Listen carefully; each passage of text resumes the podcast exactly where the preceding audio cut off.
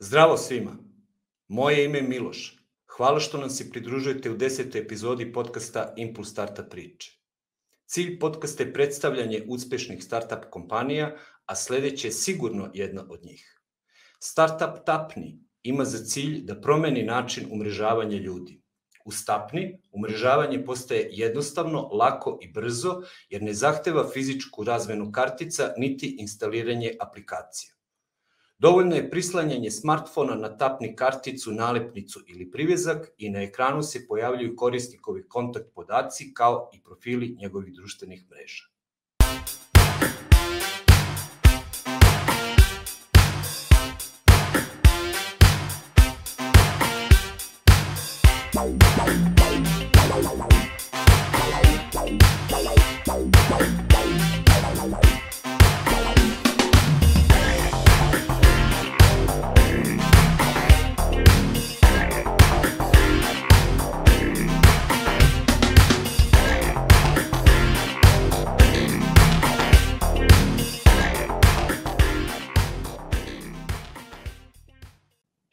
Detaljima nastanka, razvoja i planovima startupa Tapni saznajemo od našeg gosta, co-foundera i CEO-a ovog startupa Mihajla Nikodijevića. Mihajlo, dobrodošao u podcast Impuls Startup priče.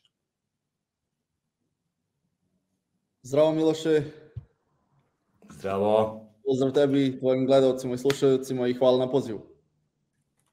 Hvala tebi što si pristao da ispričaš uh, vašu sjajnu priču. Uh, na samom početku imamo jel te pripremljena pitanja kao i na svakom podcastu, ali eto da čujemo šta pokreće ovih dana CEO-a startupa Tapni.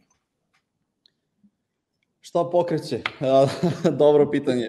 Mislim da je Dobro, da. mislim da je ta neka neka ambicija za ne, za nečim uh, uh, boljim, većim uh, i ta neka ambicija za nečim više uvek uvek taj pokretač Uh, generalno sada kao vođa jednog i lider jednog tima je mnogo lep osjećaj imati ljude, ljude biti okružen ljudima uh, i raditi na jednoj istoj misiji, na jednom istom produktu i na uh, u jednoj istoj kompaniji služiti istim istim istim klijentima. Uh, tako da to je to je to je jedan jedan od najlep, najlepših osjećaja jednostavno raditi i biti okružen uh, sličnim ljudima i raditi na jednoj misiji. Tako da, uh, kao, da, kao jedna od tih product, product driven kompanija. Mm -hmm.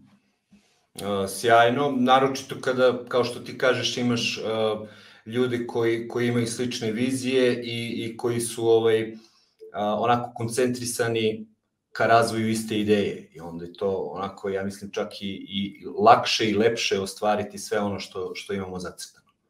Svako. Baš tako, pa, kada, se, kada se setim, baš upravo pre, pre, pre godinu dana, pre, pre godinu dana smo lansirali Tapni, ali pre par nedelja smo slavili naš prvi rođendan uh, ovde u Novom Sadu, u našoj kancelariji.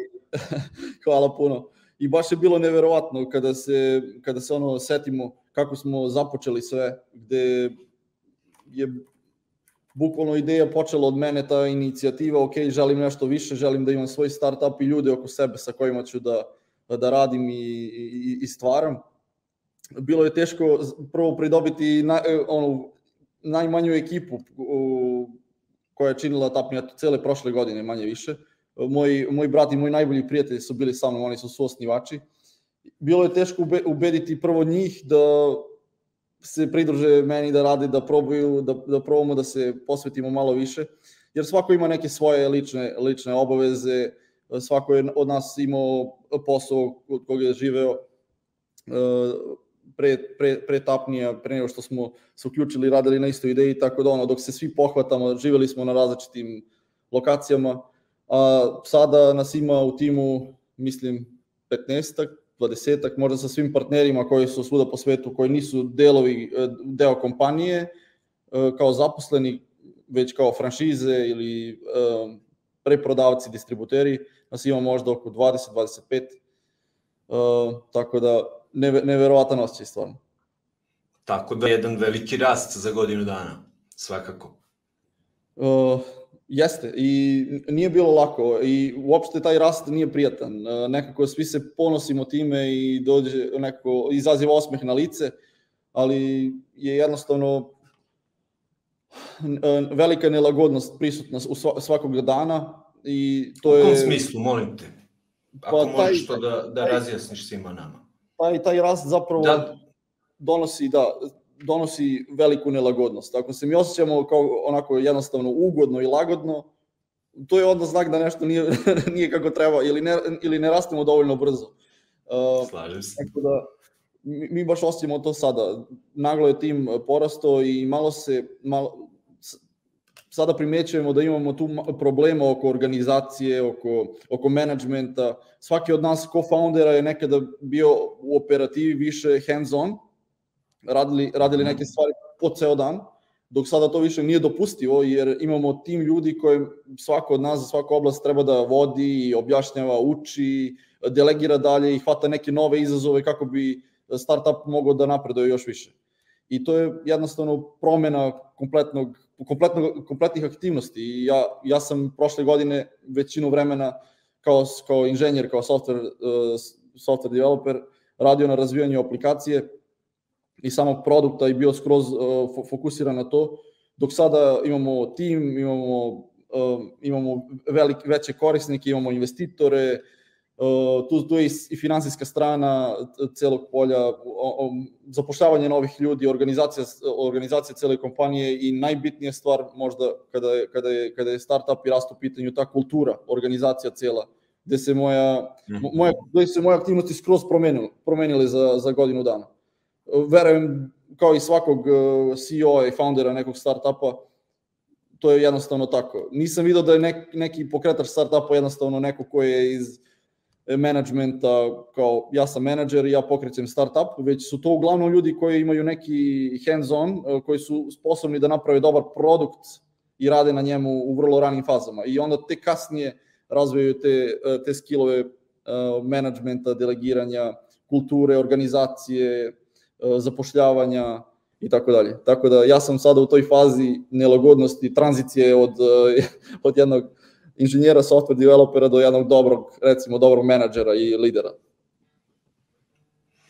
Odlično. Reci mi, koju bi informaciju podelio sa svima nama o sebi, a koju smatraš vrlo posebnom, a da nismo mogli da je pronađemo na internetu? Uh, pa... Šta je to što nema na netu, a, a ovaj, postoji u tvom životu i ti smatraš da je važno za tebe, na primjer. Možemo tako da definišemo pitanje.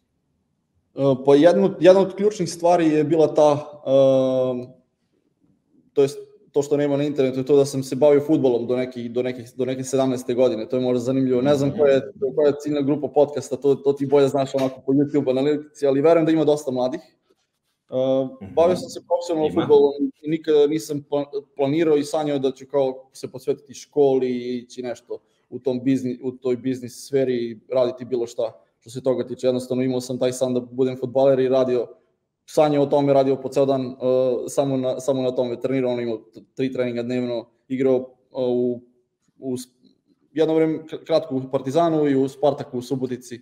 Ali zbog jedne povrede, e, zdravstvenog problema o kome neću sada da govorim, sam morao da, eto, da skroz svoje snove, ambicije, želje preusmerim na nešto drugo.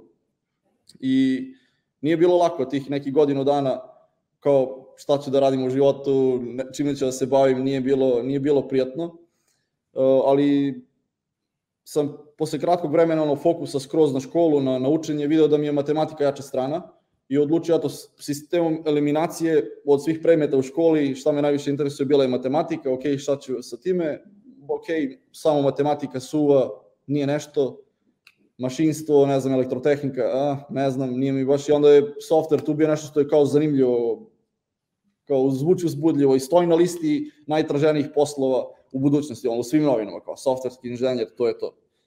I tako odlučio sa, sa jednim svojim prijateljem Andrijom, uh, da upišemo privatne časove programiranja i kao šta ćemo, gde ćemo.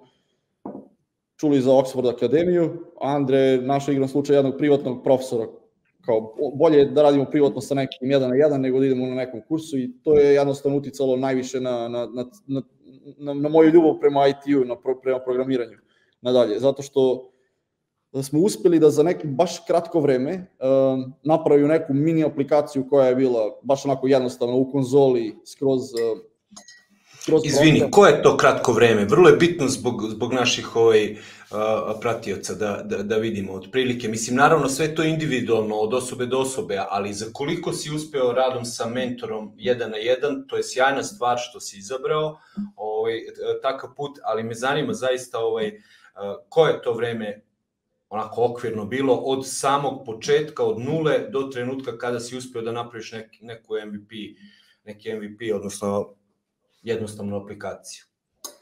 Pa da, mi smo krenuli ono skroz e, od početka, učili programiranje u, u C-u. Znači, to je bilo skroz ono prosto. C. Prve vari... U C-u. Skroz ono prve mhm. varijable, print F i dok smo malo počeli da napredujemo, prešli na, na C++, učili šta su klase i te osnovne stvari i uspeli eto da napišemo tu aplikaciju. Možda je bilo za nekih 3-4 meseca, ne više. E, ali je bio intenzivni rad. Stvarno kratak. Časovi su trajali po 3 sata i bili bukvalno jedan na jedan. Koliko vežbanja posle časova?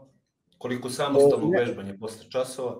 Pa ne puno, možda još sat, dva kući tako paralelno, ali više iz, on, iz radoznalosti, iz želje, ne da je, pro, da je profesor zadao neke zadatke, već samo jednostavno nam je probudio želju. Imali smo taj, e, to dobro takmičenje između sebe.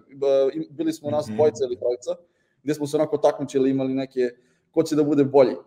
Jer je to bilo novo za sve nas. E, profesor nam je profesor, to je, to je čovek koji se bavio programiranjem u, u, u svoje slobodno vreme, tako zarađivao, završio ETF i radio je na nekim starijim te tehnologijama. E, na primer, u to vreme se on bavio Delphijem i um, nekim, nekim, nekim programskim jezikom koji danas nije uopšte aktualan. Tako da je i to jedna bitna stvar kod, uh, bitna stvar kod IT-a, uh, je ta što se mnogo brzo menja. Uh, gde smo došli u tu situaciju da, da danas ja, na primer, pozdrav za mog profesora Đoleta, ali mislim da sam možda, možda i u boljoj situaciji od njega kada su tehnologije u pitanju, jer sam imao, igrom, igrom slučaja imao uh, mogućnosti da, da, da radim u startupovima koji koriste ono, high, ono zadnje, zadnje tehnologije koje su izašle uh, bukvalno... Ok, kao programer te sada pitam, a, koje su to tehnologije koje bi ti ovaj, preporučio mladima koji tek sada ulaze u svet programiranja? Malo smo izašli samo koncepta uh, um, pitanja, ali je, smatram da je ovo vrlo važno za, za sve početnike. Ovaj, a vidim da želiš da podeliš sa nama te stvari, pa hajde da, da ovaj produbimo malo priču, onako ukratko. Dakle, koje su to tehnologije, koji su to programski jezici, naravno po tvom mišljenju, a, a, sadašnjost i budućnost? Pa da. Mislim, možemo to da vidimo na Stack Overflow i na svim drugim mestima, ali onako tvoje mišljenje, šta ti misliš da, da, da bi trebalo jedan početnik da, da, da ovaj krene? Pa da, go, govorit ću sada onako prostim jezikom da bi mogli svi da razumeju. Jednostavno, uh, da li neko od nas pamti kada smo zadnji put nešto instalirali onako na, na, na, na, na našem računaru, na laptopu ili na kompjuteru? Jednostavno to nije više toliko česta praksa kao nekada kad smo bili mali, sve smo morali da instaliramo. Brauzeri nisu bili toliko brzi i efikasni. Tako da to je generalno bila najveća razlika kada sam, kada sam ja učio programiranje. Video sam da se sve više i više sve prebacuje na web. Znači sve se prebacuje na browser, sve više i više uh, kompanija prelazi na, na, na, na web aplikacije, gde sam odlučio da kao to je budućnost, više ništa nećemo instalirati na računaru, jednostavno sve će biti u browseru. Uh, tako da to je bila najveća pomena uh, i najveći indikator, ok, želim da učim web tehnologije, ne želim da učim uh, neku javu koja se instalira na, na, na, kao software na računaru. Jer mnogo je manji broj klijenata, neko mora to da instalira, pa tek onda da koristi, dok na webu jednostavno .com domeni, eto, tu sam, mogu da koristim aplikaciju. Mm -hmm. Tako da to je bila prva onako klasična promena, to, ali to je već onako staro, to već svi znamo. Uh, kasnije su, mhm ne, ne bih da pominjem različite frameworke, jer tu je, tu je velika... Ne moraš, ne moraš, nego onako u globalu, znaš, možda koji programski jezik bi ti preporučio početniku danas sa svojim iskustvom, ovaj, da, da, da krene da uči. Da li, da li PHP, da li uh, pa, da, Python, ne, da li... Mislim, ne bih sad ja da te navodim, ali čisto... Čist. Da, da. Definitivno s te strane JavaScript, uh, nema dileme, uh, zato što mhm. danas imamo, mm -hmm. bukvalno u JavaScriptu možemo da pišemo sve od web aplikacija koje su u brauzeru, do, to jest u brauzeru kao klijent aplikacija, do, takođe i na serveru pomoću Node.js-a možemo da pišemo server-side aplikacije isto u JavaScriptu, do, do drugih frameworka kao što su Electron.js, gde nam omogućava da pišemo desktop aplikacije opet u web tehnologijama pomoću HTML-a, CSS-a i JavaScripta, do mobilnih aplikacija kao što su kao što je Tapni na primjer, ne znam da li je neko primetio, ali to nije native aplikacija koja je Android i iOS, nego je mhm. hibridna aplikacija koja uh, ima jedan code base i pis i ono kompilovana je klasično cross za sve tri platforme mm -hmm. poput uh, Androida, iOS-a i Windowsa.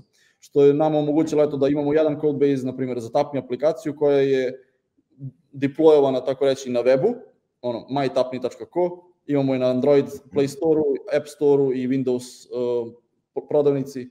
Uh, tako da prilično moćna stvar. Uh, za startupove je veoma bitan, veoma bitan faktor razvoja i brzina razvoja aplikacije, što definitivno JavaScript i, i web tehnologije danas uh, nude. Mihajlo, objasni nam šta je Tapni i na kojim principima radi. Ovako, Tapni je um, digitalna vizit kartica mi je tako zovemo, jeste kartica, ali ne mora biti samo kartica, imamo, imamo tapni dolazi u nekoliko oblika i formi, kao stiker, na primjer, na telefonu, evo imamo ovde jedan telefon uh, sa puno stikera, uh, kao mhm. kartica, kao na primjer narokvica ili privezak, um, bukvalno više, više formi produkta koji u sebi imaju NFC čip. Uh, ljudi znaju tu tehnologiju tako što plaćaju onako contactless, samo prisloniš karticu na, na terminal, na POS terminal i tako plaćaju, ali uh, Tapni bukvalno radi uh, na novim smart telefonima tako što tapnemo bukvalno telefon, zato se i zove Tapni, tapnemo telefon u. Sjajno ime. I uh, kada kliknemo na taj pop-up, bukvalno se otvara naš Tapni profil gde imamo sve, sve svoje linkove društvene mreže i možemo, na primjer, u jednom kliku, prilikom, na klikom save kontakt da sačuvamo sve informacije o čoveku u jednoj sekundi u svom telefonu.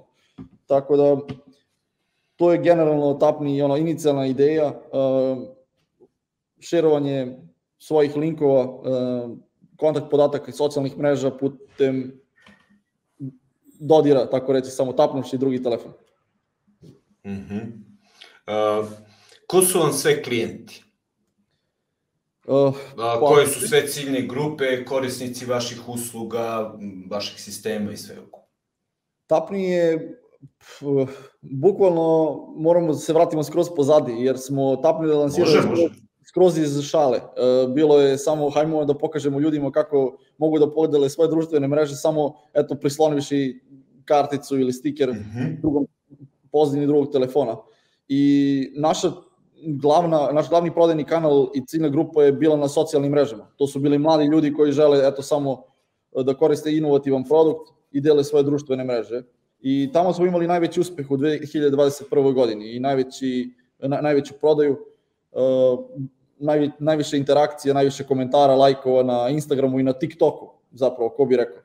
Uh, tako da, generalno Tapni i je velika i velika baza korisnika trenutno je e, ta mlađa ciljna grupa mladih ljudi koji žele da podele svoje društvene mreže na inovativan način. Ali u, u kasnije kako smo razvijali dalje produkt, posle par meseci videli smo da se sve više i više firmi javlja kako bi firmi onako mhm. poslovnih ljudi, profesionalaca, jednostavno influencera i tako ozbiljnih ljudi koji žele da koriste tapni u poslovne svrhe, kako bi olakšali deljenje kontakt informacije sa drugim ljudima i takođe sakupljali kontakt informacije od drugih ljudi.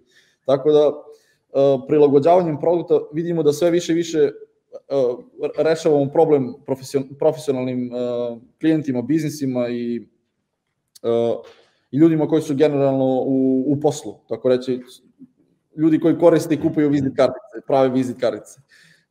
tako da, još uvek je velika baza tapnija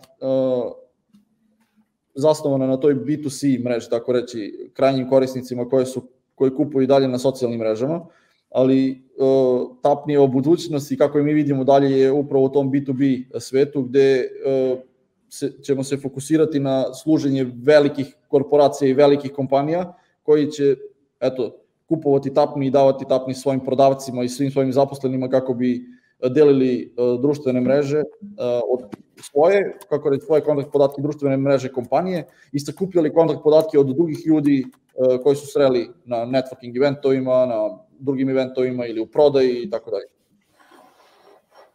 Sjajno. A, jedno takođe zanimljivo pitanje, za koje geografsko područje je tapni kartica? U, u kojim zemljama vas ima i bolje da pitamo na kojim sve kontinentima poslujete, jer znamo da je vaše tržište zaista veliko.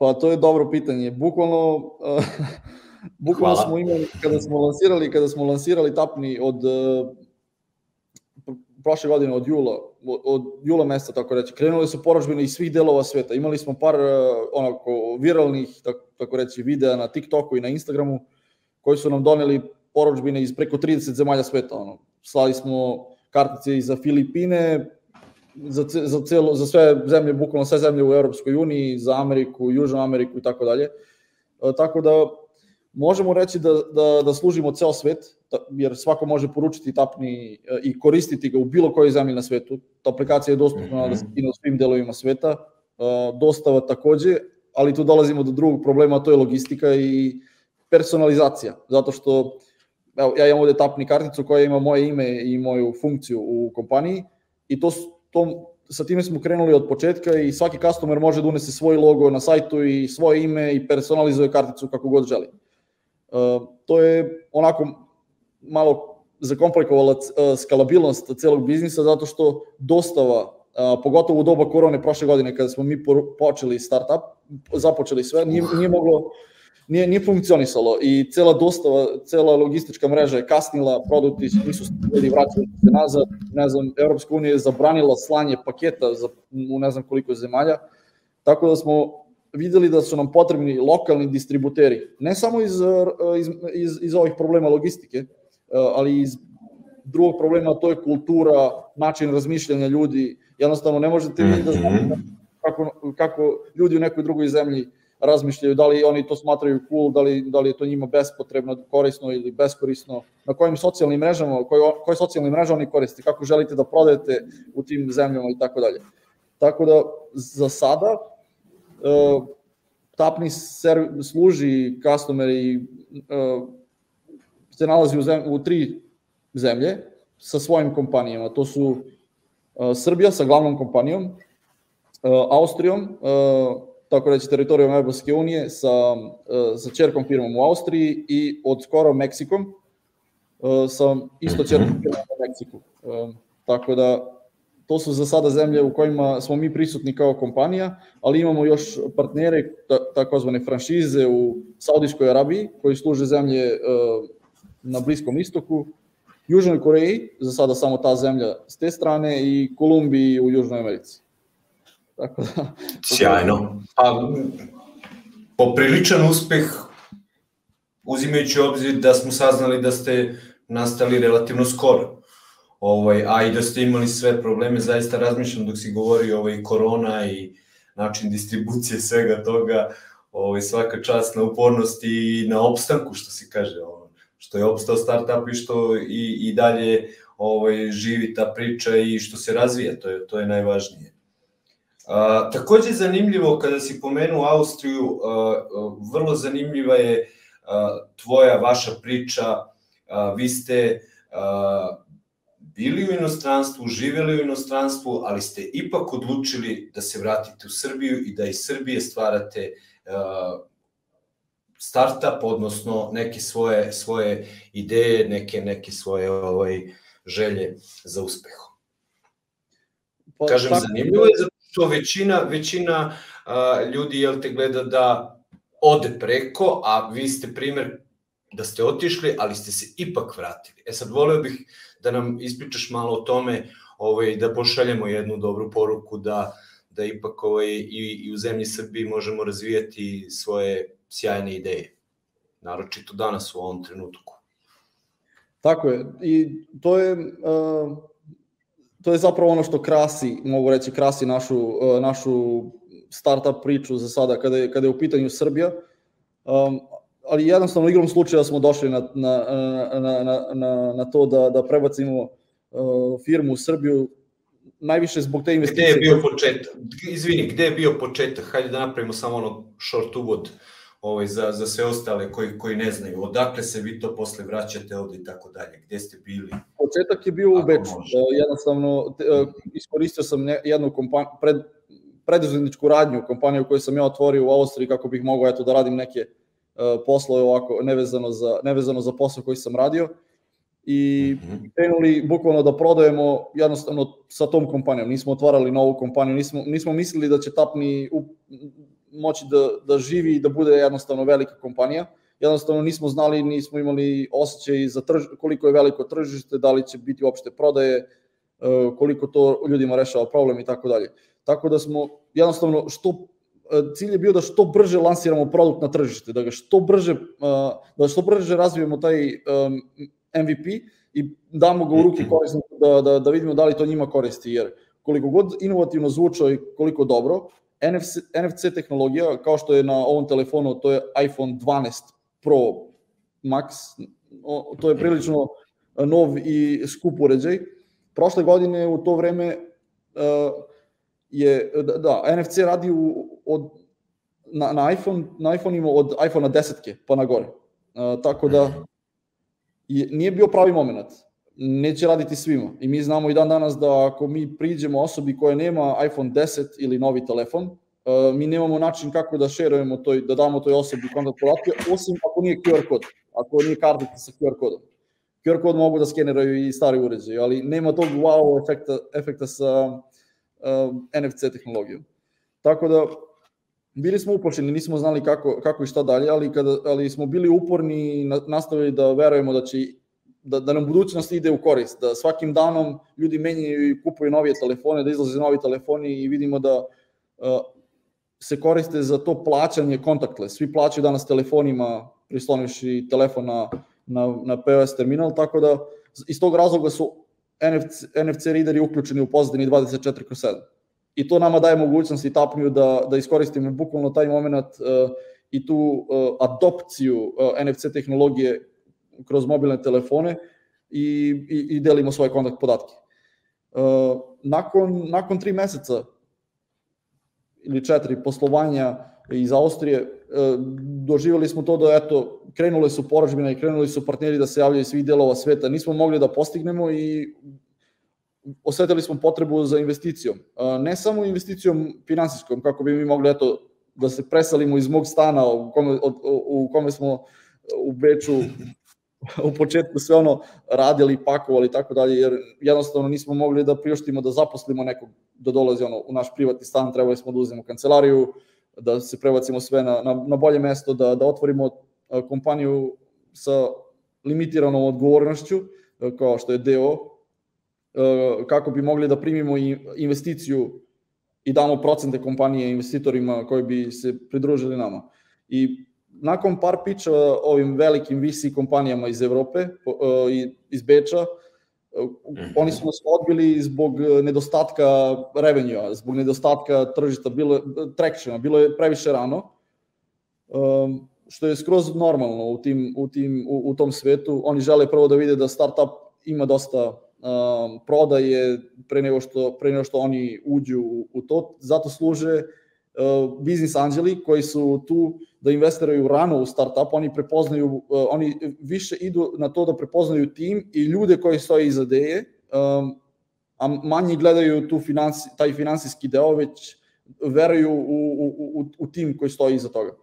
Tako da smo mi imali sreću da preko dvoje ljudi dođemo u kontakt sa, sa biznis anđelima iz digitalne inicijative Srbije i jednostavno prezentujemo ideju gde su E, nakon par e, pičeva e, oni odlučili da investiraju u nas i kada smo, kada smo pričali sa njima na tim, na, na tim, na, na, na tim mitinzima, oni nisu nas uslovljavali da mi moramo da se vratimo u Srbiju, da tu registrujemo kompaniju, da bi, da bi oni investirali u nas, već su bili otvoreni da investiraju u našu kompaniju u Austriji. Jednostavno, hteli su da, pod, da podrže nas kao, kao, kao tim, kao opet Srbe koji su u Beču, ali eto, jednostavno nije bio uslov, to, oni su se ogradili odmah od toga, dok um, dok smo mi to želeli da vidimo, čuli smo da se u Srbiji priprema svašta nešto što se startupova tiče, da Srbija želi da ulaže u startupove u mlade kompanije, da, da, da, podrži, da, da podrži jednostavno mlade ljude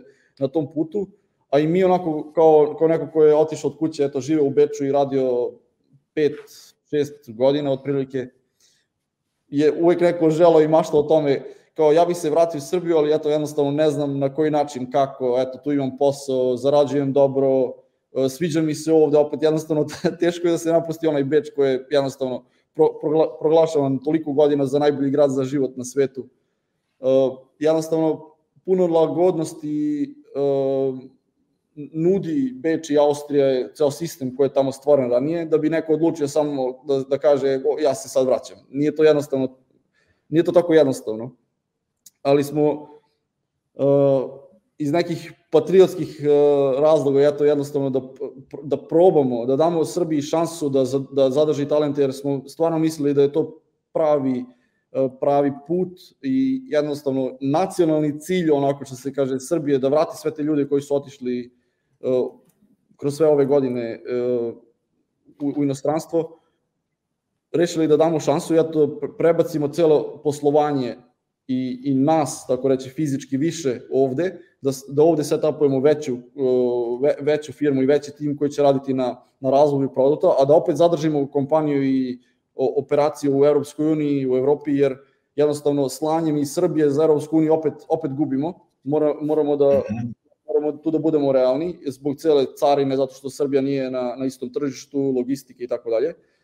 Um, ali nam se sviđa uh, taj potez i to što smo se usudili na to, nije bilo lako, jednostavno uh, poznavanjem uh, celog sistema u Austriji, prilagodili smo se tamo što se poslovanja tiče. I u Srbiji nam je bilo sve nepoznato, jednostavno nismo znali ni kako, ni kako firma funkcioniše, ni kome da se obratimo, ni kako funkcioniše zakon, ni kakve, što se investicije tiče, kakvi su zakoni tu oko, oko davanja opcija investitorima i tako dalje, ali smo videli da su svi uzbuđeni i tako reći motivisani da pomognu srpski startup ekosistem da se što bolje razvije, da se i zakon prilagodi e, startupovima e, kako bi što lakše mogli da obezbede nove nove investicije, kako bi što lakše mogli da registruju neke uh, uh, stvari u kompaniji koje postoje na zapadu, pogotovo u Americi, koje ne postoje u Srbiji i uh, uzbudljivo je biti jedan od tih pionira um,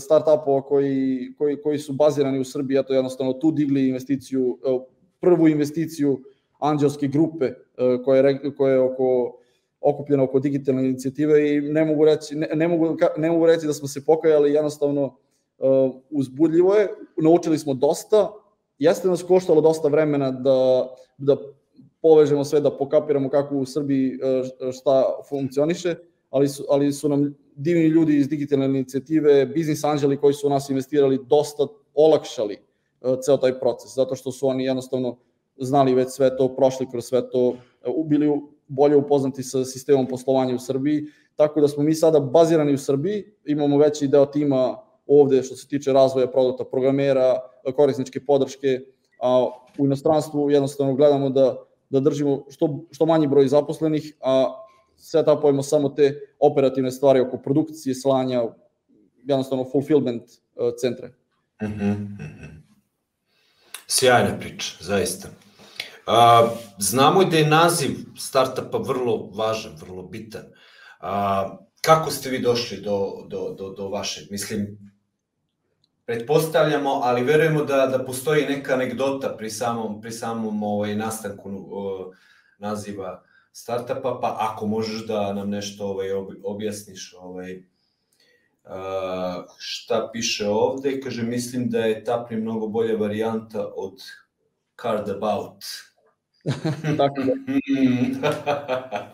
odradili ste, Card About je prvi naziv uh, uh, startupa Tapni, je li tako?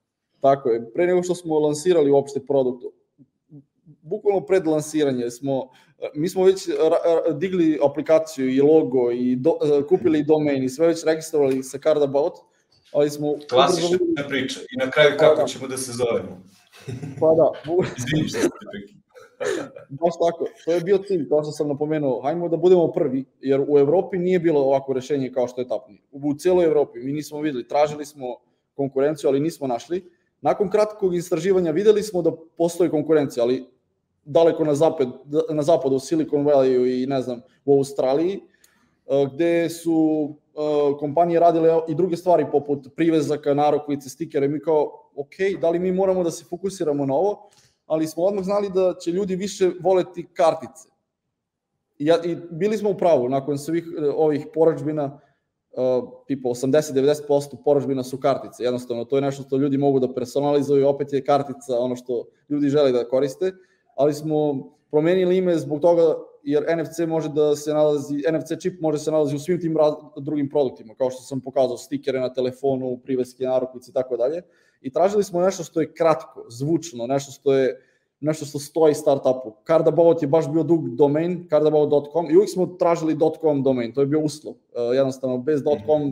domaina nije, nije, nije to to ali opet uh, onako uz dugo, dugo vremena ono, brainstorminga tražili smo domain sa .com i to nije bilo moguće. I uslov je takođe bio da se da budu slobodni uh, username na, na socijalnim mrežama, poput Instagrama, uh, TikToka. Da.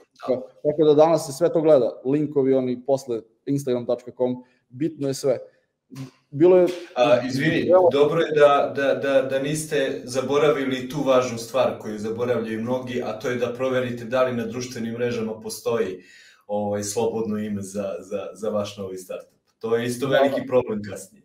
Mislim, veliki... rešiv, ali dešava se u mnogo slučajeva rešiv je verovatno kada, kada postanete velika kompanija koji žele da, koji Instagram želi da ustupi eto, neči username nekog neaktivnog profila i mi se nadamo, pošto tapni username, samo tapni, kratko jasno, je neki profil registrovan pre 11 godina i nikoga ne koristi, uh, nadamo se da ćemo jednog dana na Instagramu biti samo tapni, a ne tapni.co. Ali dobro, eto, tapni.co je domen koji smo kupili um, kao alternativu za tapni.com jer nismo imali dovoljno para da ga kupimo. On je u tom, u tom trenutku kada smo, kada smo lansirali startup koštao možda 5, 5 ili 6 hiljada uh, eura. I kao, ok, nije neka svota, možemo da priuštimo ovaj domen, ali nećemo sada investirati ovaj novac na početku u ime, u ime produkta koji još nije, ne postoji, ne znamo ono, šta će biti od toga da li će uopšte uh, zaživeti i ne. Ali smo se uvijek bojali da nam neko ne kupi taj tapni.com domen dok, dok mi ne budemo spremni da ga kupimo. I, i uspeli smo eto da ga rezervišemo na vreme kada smo ono osetili taj hype, niko nam nije oduzeo domen na, na, na, na kvarno, tako reći, da vidi, od dobra kompanija, da, sad, ću da. tapni, sad ću da im kupim .com domen.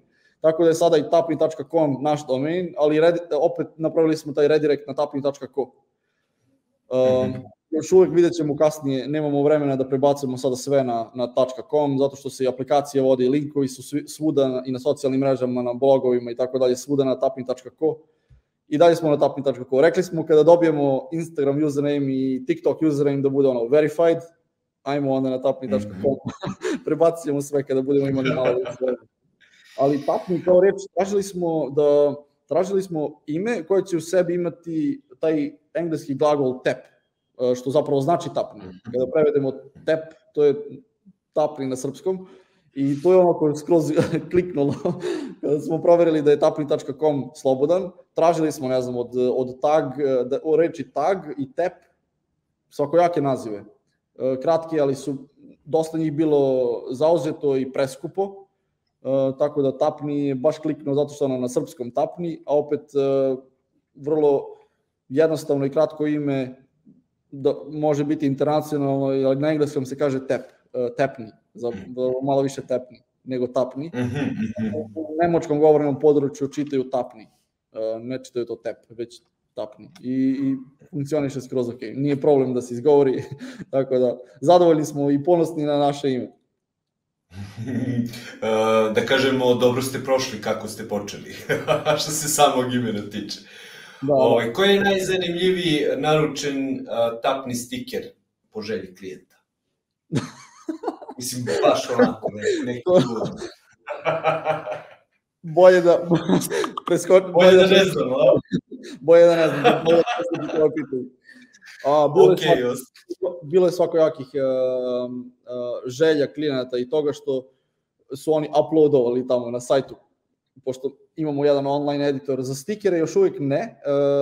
Uh, izbacili smo ih jedno vreme na kratko, ali uh, lansirat ćemo custom, te custom, individualne, brandirane stikere uskoro. Uh, uglavnom, bilo je svakakvih uh, logoa i tako reći uh, stvari, ali jednostavno, eto, ljudi su ubacili to u korpu, izdizajnirali svoju karticu sa, sa svim i svačim i jednostavno kupili online. Mi smo tako odradili, neke poručbine smo morali da blokiramo, jer smo videli da uh, su, na primjer, neki ljudi iz uh, koristili logoje drugih kompanija ili tako ili neke uh, inappropriate na engles na, na srpskom uh, neprikladne, neprikladne slike su ubacivali da, da im štampamo na kartici, tako da smo morali da, da im jednostavno obrišemo i damo, pošaljemo mail da jednostavno ne možemo, ne možemo da radimo takve kartice. Dobro, svakako ima tu zanimljivih ovaj, situacija. Ovo, ovaj, što, što je očekivano kad damo slobodu korisnicima. Uh, različitost je bogatstvo svih nas. Ok, hajde sada malo da se osvrnemo na startup scenu kod nas, pa eto, kratak osvrt na startup scenu u Srbiji. Uh, šta bi ti ovaj rekao, kako je današnja startup scena u odnosu na možda scenu od pre par godina i kako ti jednostavno uh, vidiš uh, mogućnosti današnje i mogućnosti razvoja startup scene u Srbiji? Um, Znamo da si onako maksimalno uključen i da, mislim ne ti, već i tvoj tim i ce, ceo startup tapni, ovaj, uključeni ste onako, vrlo ste angažovani na startup sceni, pa eto da čujemo neka tvoja razmišljanja vezano za, za ovaj postavljeno pitanje, da se ponavljam sada.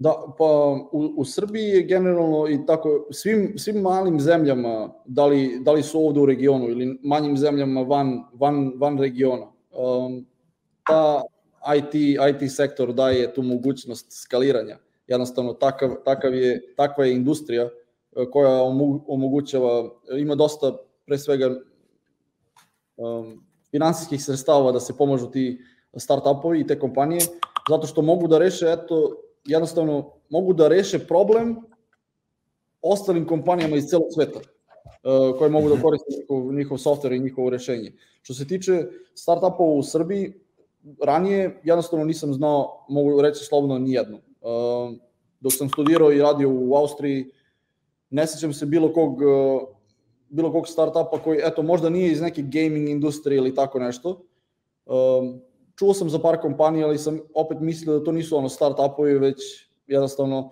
malo veće kompanije, ne, neki preduzetnici koji su imali više sredstava da, da ulože u, u svoju ideju, u neku razvoj neke igrice ili eto, čuo sam za neke kriptovalute iz Srbije ili tako, ali to nije prava slika startupa prava slika startupa je opet neko ko je bez sredstava, recimo neki student koji, koji studira na fakultetu, koji nema puno no, sredstava ili novca da uloži u, u svoju ideju, u tim da plati ne znam koliko zaposlenih, već uh,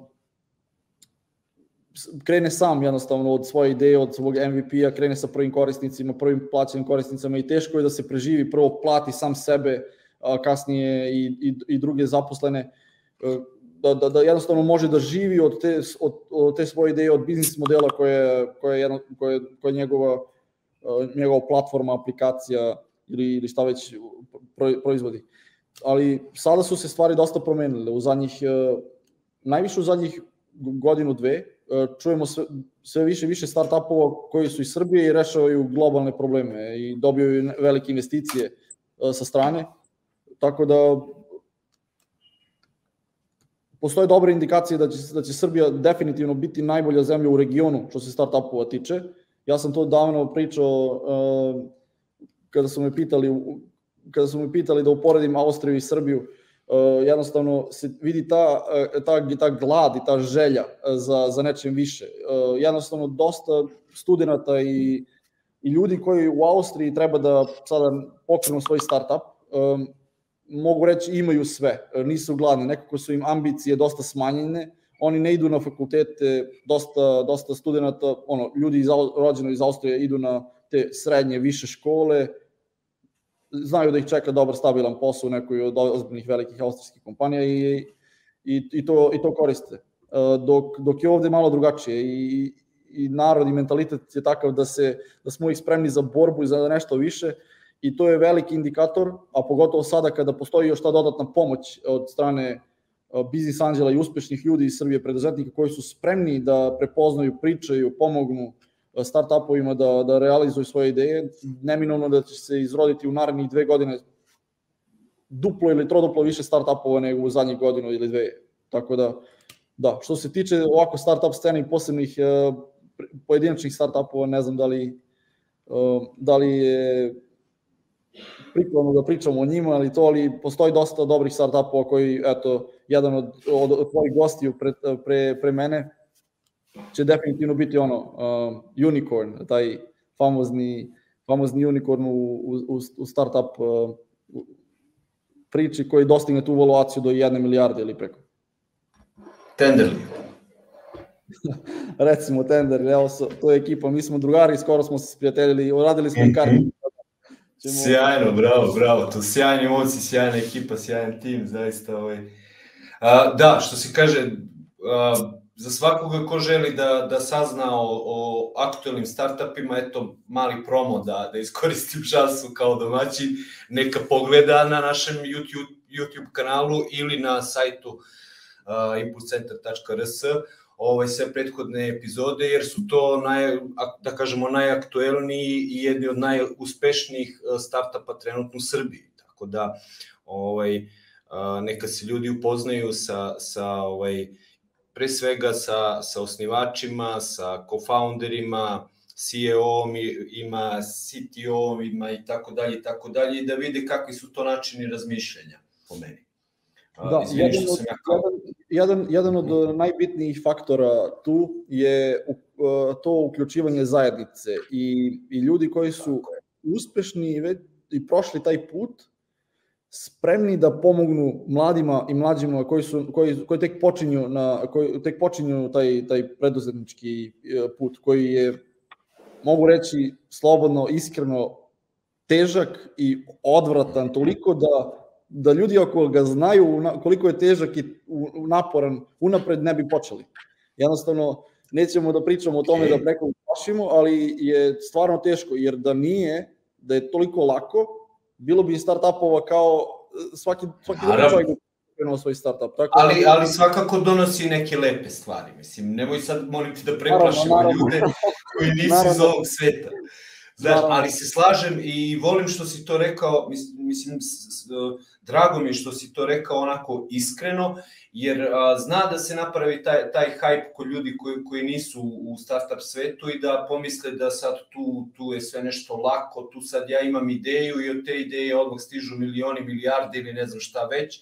Ne, to je jedan proces koji ovaj, što ti kažeš, ovaj, zahteva i mnogo a, truda i rada i muke i nerviranja, ali kao i svaki biznis ko, ko, koji gradimo, ovaj, a, a, nije svako za ovu priču, kao što nije ni svako za, za ovaj, razne druge delatnosti, poštujemo sve profesije, ali takođe i ono, motivišemo da, da, da, da se priključe startup.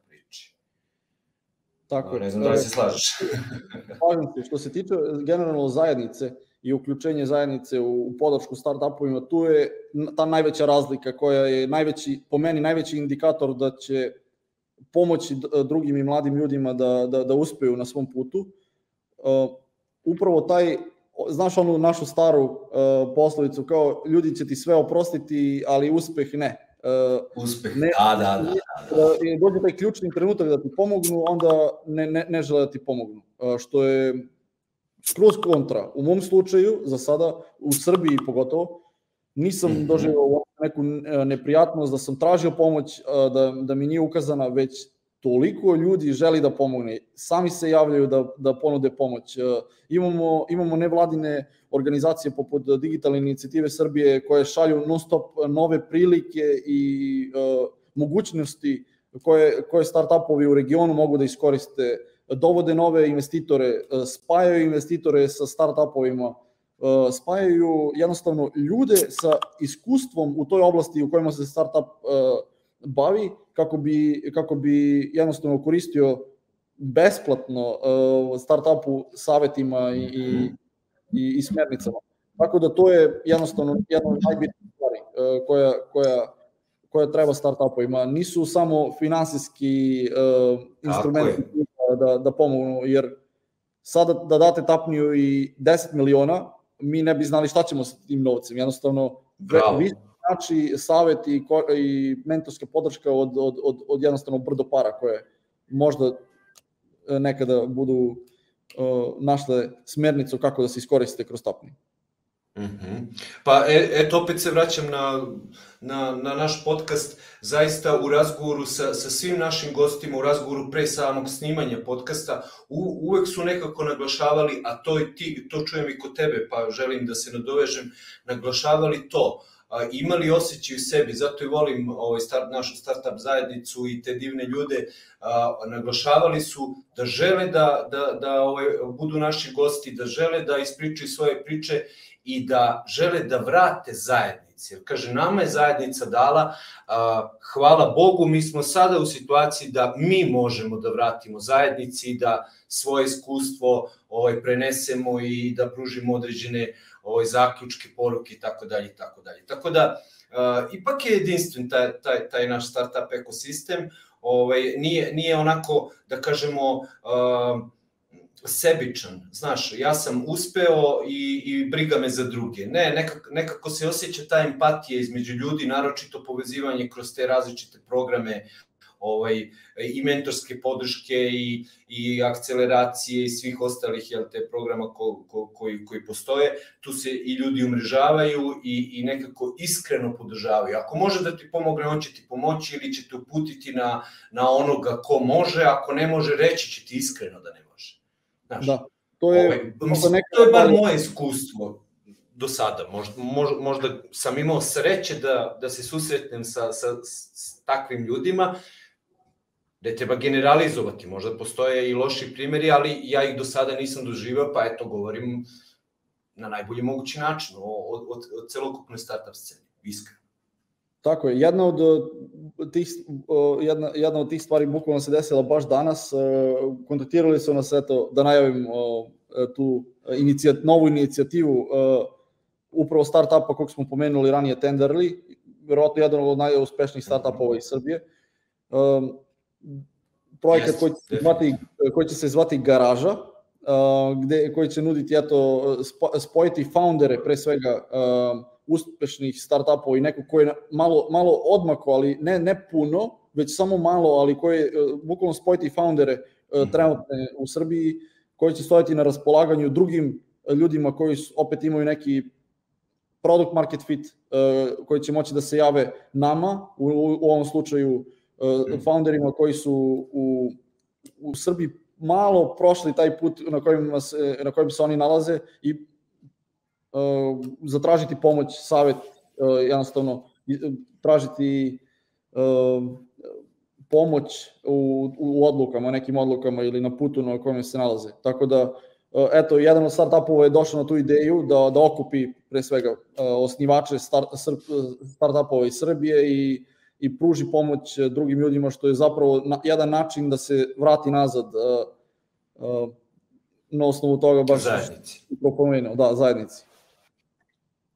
Mihajlo, iskreno hvala ti na ovoj ekskluzivnoj informaciji ovaj, što si podelio sa nama u, u današnjem podcastu i raduje me iskreno ta činjenica, jednostavno Tenderly ovaj, kao startup bili su naši gosti, to su sjajni momci, videlo se u startu koliko imaju širinu u razmišljanju out of the box i, i ovaj, želju i pored toga što, što razvijaju ovaj, neke svoje ideje, neke svoje priče, opet ne zaboravljaju. I pored toga što su uspešni, ja mislim da su, koliko znam, najuspešniji što se samih investicija tiče, ovaj, a, imaju samu želju da, da, da i dalje stvaraju nešto u našoj Srbiji, da pomognu zajednici i svim ostalima. Tako da me vrlo raduje to što ste eto, i danas razgovarali, što će se to, što si već najavio desiti. I hvala ti još jednom na Da, pa naša priča kada uporedimo baš sa Tenderlijem i tim momcima je slična, e, jer potiče eto iz jednog tima koji je radio zajedno, mm -hmm. u našem slučaju e, ja, moj najbolji prijatelj Miloš i e, moj brat Aleksandar, sa tih takozvanih hakatona. Čuo si za tu reč, mora si mm -hmm. i učestvovao u tim događajima. I znamo šta je. Te, da. Tim iz Tendera je isto učestvovao u mnogo sta, tih...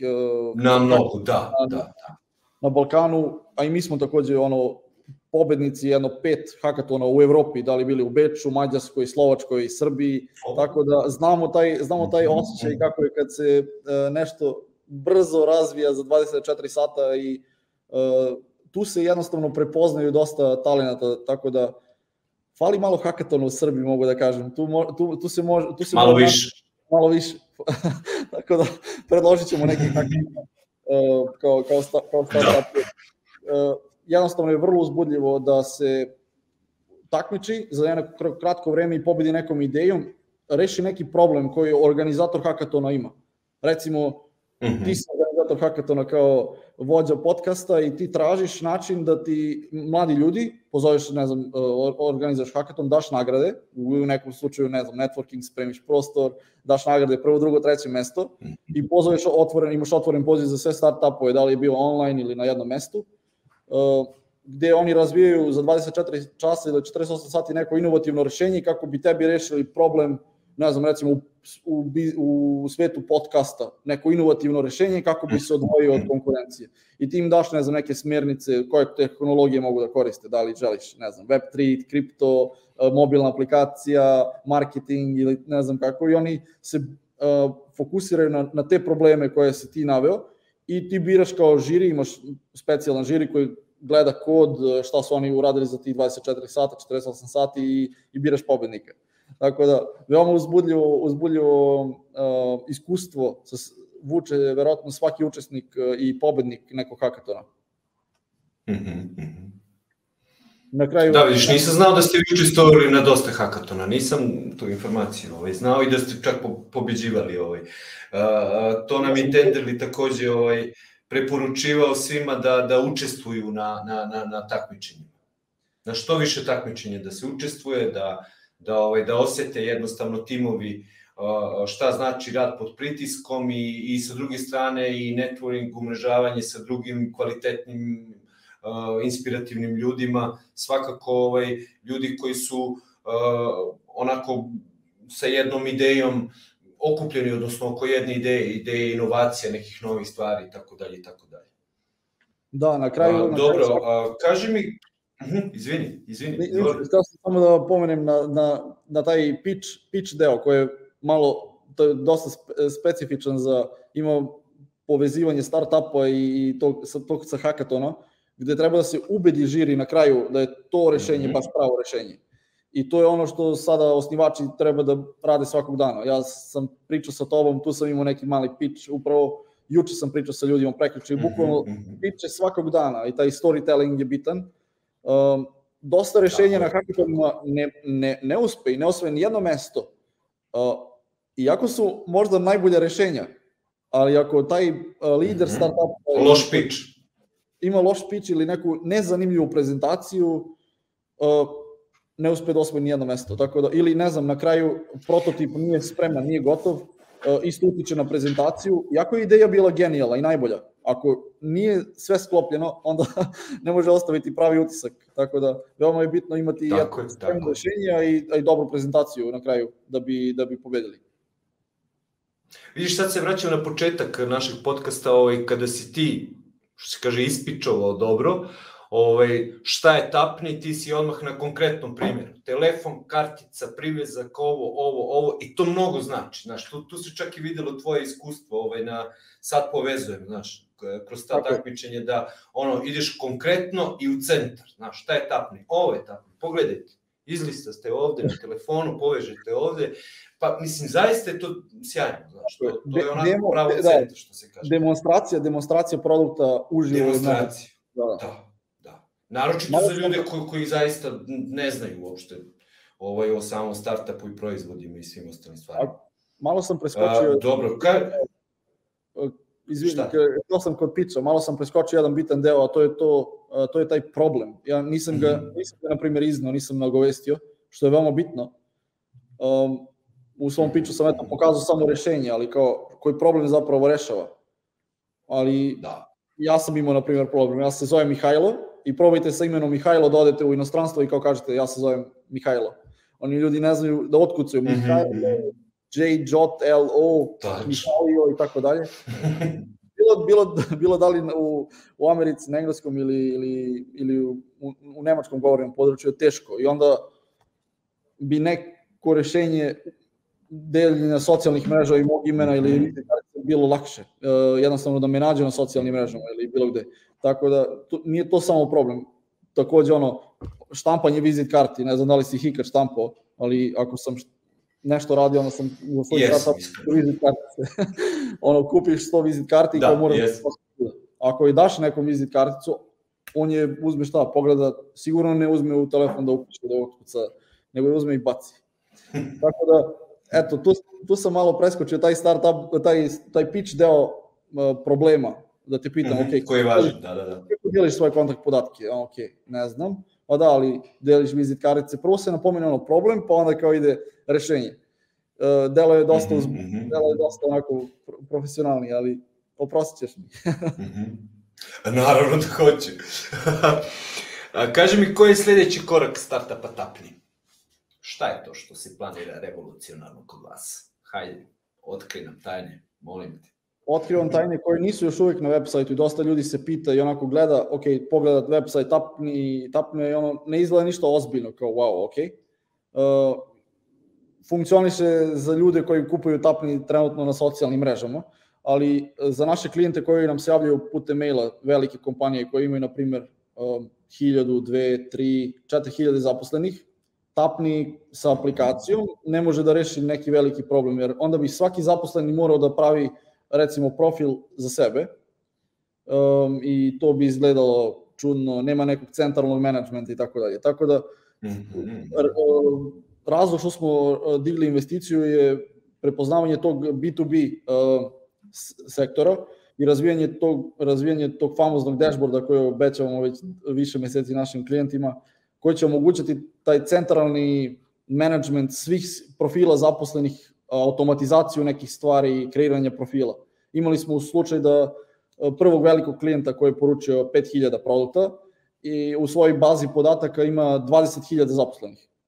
I oni su jednostavno hteli, ok, razmišljali su, ok, mi želimo ovo, ali kako da olakšamo svima, nećemo da oni svi moraju da skidaju aplikaciju, da prave profile, da povezuju produkt, to je prekomplikovano da bi svako radio kako možemo da automatizujemo to sve. I onda smo došli na rešenje, na primjer, da povežemo sa njihovim aktivnim direktorijom preko Microsofta i jednim klikom sinhronizujemo sve, svih 20.000 korisnika u, u bazu podataka, ono, sa slikama, imen, imenima, pozicijom firme i tako dalje, kreiramo te profile, omogućimo SSO login, na primjer, da mogu da se loguju sa nalogom njihove kompanije, da ne, mogu, da ne moraju još jedan nalog da prave na tapniju, i tako neke mhm. stvari koje će omogućiti velikim kompanijama da, kori, da lako koriste tapni. Imaju -hmm. dodatne, dodatne vrednosti poput uh, on, premisija, šta radnici mogu da menjaju u svom profilu, šta ne mogu, uh, da prilagode profil tom corporate looku, employer brandingu, da imaju svoj logo u, pre, u, u prvom planu, a ne tapni logo, uh, -hmm. da da, gleda, da, da, da vide neku analitiku, ko je koliko aktivan i naravno imaju centralnu bazu podataka svih svojih zaposlenih, to jest lidova ili ljudi koji su oni sreli. Tako da kada šta je jedno od, od drugih koraka tapnija, drugi, to si pitao šta je sledeći korak, je taj mm -hmm. razmena podataka. Mi trenutno imamo efikasnu razmenu u jednom smeru. Ja sam tebi podelio moje podatke. Ti si došao na moj profil i ti imaš moj profil. Super ali ja nemam ništa od tebe. Sada mi želimo da tapni mm. U drugom uh, smeru. Za sada da bude postoji, dvosmerno. Dvosmerno, mm. tako je. Da, sa, za sada postoji jedna mala formica koju ti možeš ispuniti tako što klikneš na moj profil i pošalješ svoje podatke meni, ali još uvijek radimo na, na, na analizi tog procesa kako da se to što bolje uh, i što jednostavnije napravi kako bi kompanija profitirala od uh, svih lidova koji svi njeni zaposleni sakupe kroz neko vreme.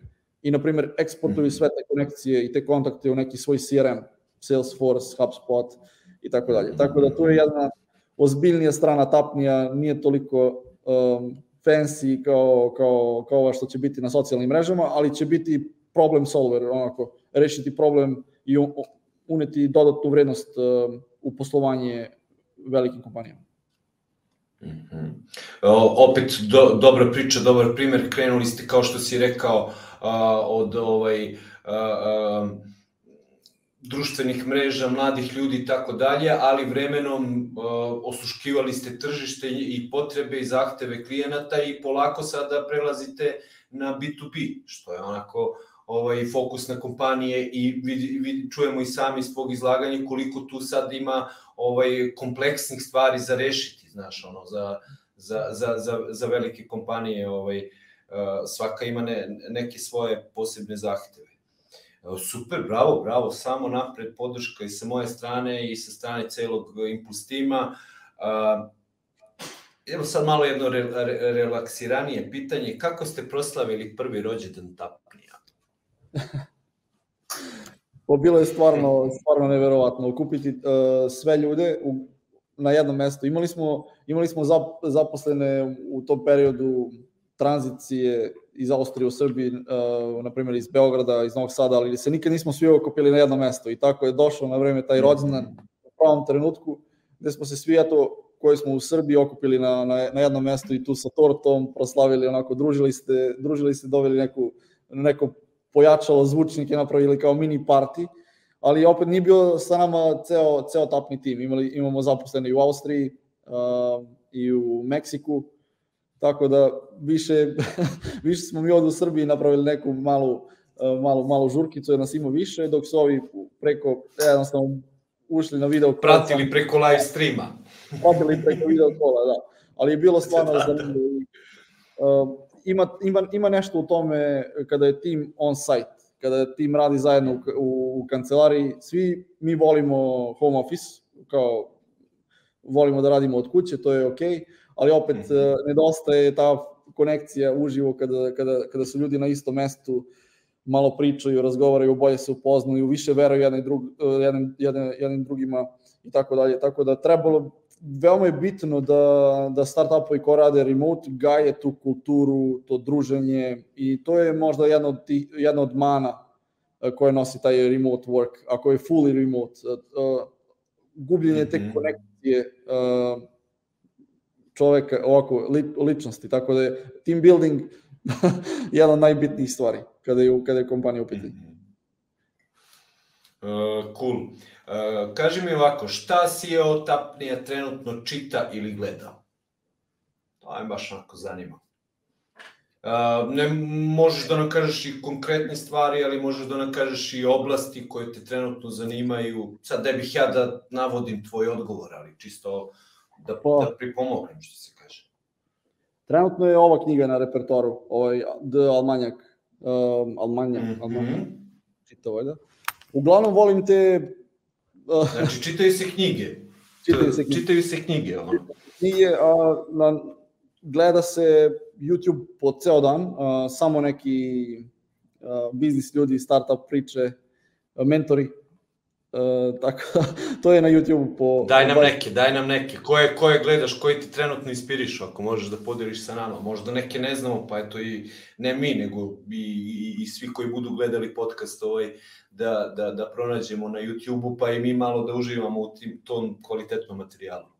Pa, evo, to, da ne da. Mislim, izvini sad što te prekidam, ovo je tvoja trenutna životna faza, znaš, ti u ovoj trenutnoj životnoj fazi gledaš i slušaš i čitaš nešto, mi ćemo se svakako videti, snimiti nešto, ne znam, u narednu, kroz, kroz neko određeno vreme, svi se mi menjamo, tako da u određenom trenutku ćeš imati neka, neka druga, druge zanimacije, tako da ne bih voleo, znaš, da, da, da, da stekneš utisak u glavi ono u fazonu, znaš, kao, da li da kažem nešto ili da, da ne kažem, znaš, ovaj, u ovom trenutku. Pa evo, otvorio sam bukvalno dok sada pričam sa tobom, otvorio sam svoj YouTube, mm -hmm. da vidim e, šta će na kom izaći. Ajmo history malo, čitaj nam malo history. da, da. Uglavnom, evo, pratim dvoje ljudi sada, ono, oni su power couple. Uh, couple su zapravo, um, uh, sada muž i žena već. Uh, Alex mm. i Leila Hormozi. Uh, baš sam njih uzeo za primjer jer znam da ih niko ne zna. Oni su se skoro pojavili kao mentori, kao neko ko želi da vrati nazad. Ali su uh, uspeli eto da prodaju nekoliko kompanija za preko 300 i nešto miliona eura u Americi. Pokrenuli su isto par, par, par kompanija zajedno uh, kao, kao couple i, raz, i one, sviđaju mi se zbog toga što su izbegavali te investicije. Jednostavno su samo mhm. radom i egzekucijom tržištu, tako je, tom egzekucijom na tržištu pokidali ono jednostavno uh, kad, kad, kad je u pitanju biznis uh, deo. I to je ono što je zanimljivo kod njih, što, što mi se sviđa, što su dosta surovi, uh, ne, ne pričaju neke onako priče koje su već bajke, bajke i tako dalje, ispričane, da, nego su uh, jednostavno um, hands-on i, i mm-hmm. dosta, dosta, dosta realni kad, kad, je, kada je biznis u pitanju. Tako da to, to, je, to se gleda. Pored Netflixa, kada dođe subota ili tako malo za relax nekog dokumentarca, filma, ali sve manje je vremena. dokumentarac o, nek, o, o nekoj start-up priči ili se pa da, odmaraš opet gledajući nešto startupima ili totalno pa, drugi deo. Uglavnom nešto inspirativno, da, što ima veze sa, mm -hmm. sa uspehom, sa biznisom, sa startupom. Zadnje sam gledao uh, onaj dokumentarac o, o onoj kompaniji koja se zove WeWork, uh, kako mm -hmm. se mhm. zvao tačno, We Fail ili tako nešto, o njihovom propadanju. Zašto je startup propao, a došli su do evaluacije, ne znam, neke ogromne milijarde. To je kompanija koja se bavi coworking space-om, global, najveća kompanija koja se bavi coworking space-om. Igrom slučaja naši partneri, naša kompanija sada u Meksiku uh, je upravo u tom coworking space-u WeWorku u Mexico City. Mm -hmm. Koristi, evo sjajno. Da, pre, predobar, predobar dokumentarac, preporučujem bi svima da pogledaju. Uh, dobro, ono što se kaže, svakako postavit ćemo te linkove, par nekih linkova ako, ako ovaj, mislim da bi bilo dobro za, za sve koji, koji nas gledaju, postavit ćemo u opisu videa, pa neka ljudi prate i, i te YouTube kanale i dobre dokumentarce. A, šta bih ti rekao, Mihajlo, na samom kraju, iskreno hvala ti na, na, na sjajnoj priči, sjajnom razgovoru, na otvorenosti, ovaj, ja sam jednostavno uživao, to će se ja verujem i osetiti kroz, kroz samo gledanje, dosta toga si nam uh, ovaj, rekao, mnogi stvari sam i čuo što uopšte nisam očekivao, a dobre su, vrlo kvalitetne, tako da ono, veliko hvala za, za odvojeno vreme, znam da si prezauzet ovih dana, znamo takođe da smo čekali dugo da snimimo ovu epizodu podcasta zbog tvojih naravno obaveza, ovo što je sjajno, imamo mi strpljenja za sve uspešne ljude, ovo nije, nije to problem. Uh, tako da zaista bih ti se zahvalio onako najiskrenije na, na današnjoj priči. Ovaj, podelio si dosta toga što će, verujem, svima značiti, iskreno. Hvala, hvala, hvala tebi Miloše, hvala tvom timu. Nisam, uh, nisam zapravo znao kada sam uh, odložio ranije uh, gostovanje, da je podcast ovako virtualni, da možemo biti, da, da, da uđemo bukvalno bilo kada. Izvojio bih vremena ranije. Mislio sam da moram biti u Srbiji u mhm. prisutno mm -hmm. podcast kad kažeš to je snimanje, nisam, nisam bacio pogled. Mm -hmm. I onda, pošto nisam istraživao o kom podcastu se radi, on sam kasnije video da je nekoliko njih isto ovako držalo uh, putem uh, videa, streama, tako da inovativno, inovativno, sviđa mi se, sviđa mi se ideja, Mo, možeš da kontaktiraš. Hvala ti. možeš da kontaktiraš ljude iz celog sveta da ti budu gosti, to mi svaka čast. uh, pa, na šta, ono, ne bih da otkrivam sad strategiju, ali da, da. šalim se, naravno, u svakom slučaju, realno posmatrano, mi smo ovaj, pokrenuli podcast iz Gornjeg Milanovca, za sve koji ne znaju, Impuls, regionalni inovacioni startup centar Impuls iz Gornjeg Milanovca. Uh, analizom smo ukapirali da ne postoji startup koji je konkretno fokusiran, to jest podcast koji je konkretno fokusiran samo na startup priču i, i startup scenu, a to je nešto prirodno što smo mi želeli da, da ovaj, uradimo, da, da pokrenemo. I onda je, je, je, su prosto okolnosti bile takve da smo da nismo mogli da očekujemo jel ti, da ćeš ti iz Beča doći u Beograd pa dotrčati do Milanovca iako ti ima želju jel te, da dođeš i jedva čekamo da se, da, da se vidimo i uživo, ovaj, ali znamo da je većina, većina osnivača vrlo zauzita i onda je bilo prosto prirodno, mislim, za nas je bilo prirodno kao, ok, ne možemo da dovedemo te ljude, želimo da razgovaramo sa njima, hajmo online, zašto da ne? Mislim, bit, bitan je sadržaj, ona suština cele priče. Tako da, eto, ono što se kaže, super je sve ovo. Uh, hvala ti još jednom, uh, hvala svima koji su došli do ovog dela podcasta. Nadam se da vam je danas bilo korisno, da vam je bilo zanimljivo. Pratite Mihajla na mrežama, pratite Tapni na mrežama, pratite Impuls centar na mrežama. Sve linkove imaćete u descriptionu, odnosno opisu videa ako gleda na YouTube, odnosno audio snimak ako gleda na, na svim ostalim platformama i do sledeće epizode, eto, pozdrav iz studija iz Gornjeg Milanovca. Hvala ti Mihajlo još jednom i sve najbolje i puno uspeha u daljem razvoju. Hvala vam. Pozdrav. Ćao. Ćao.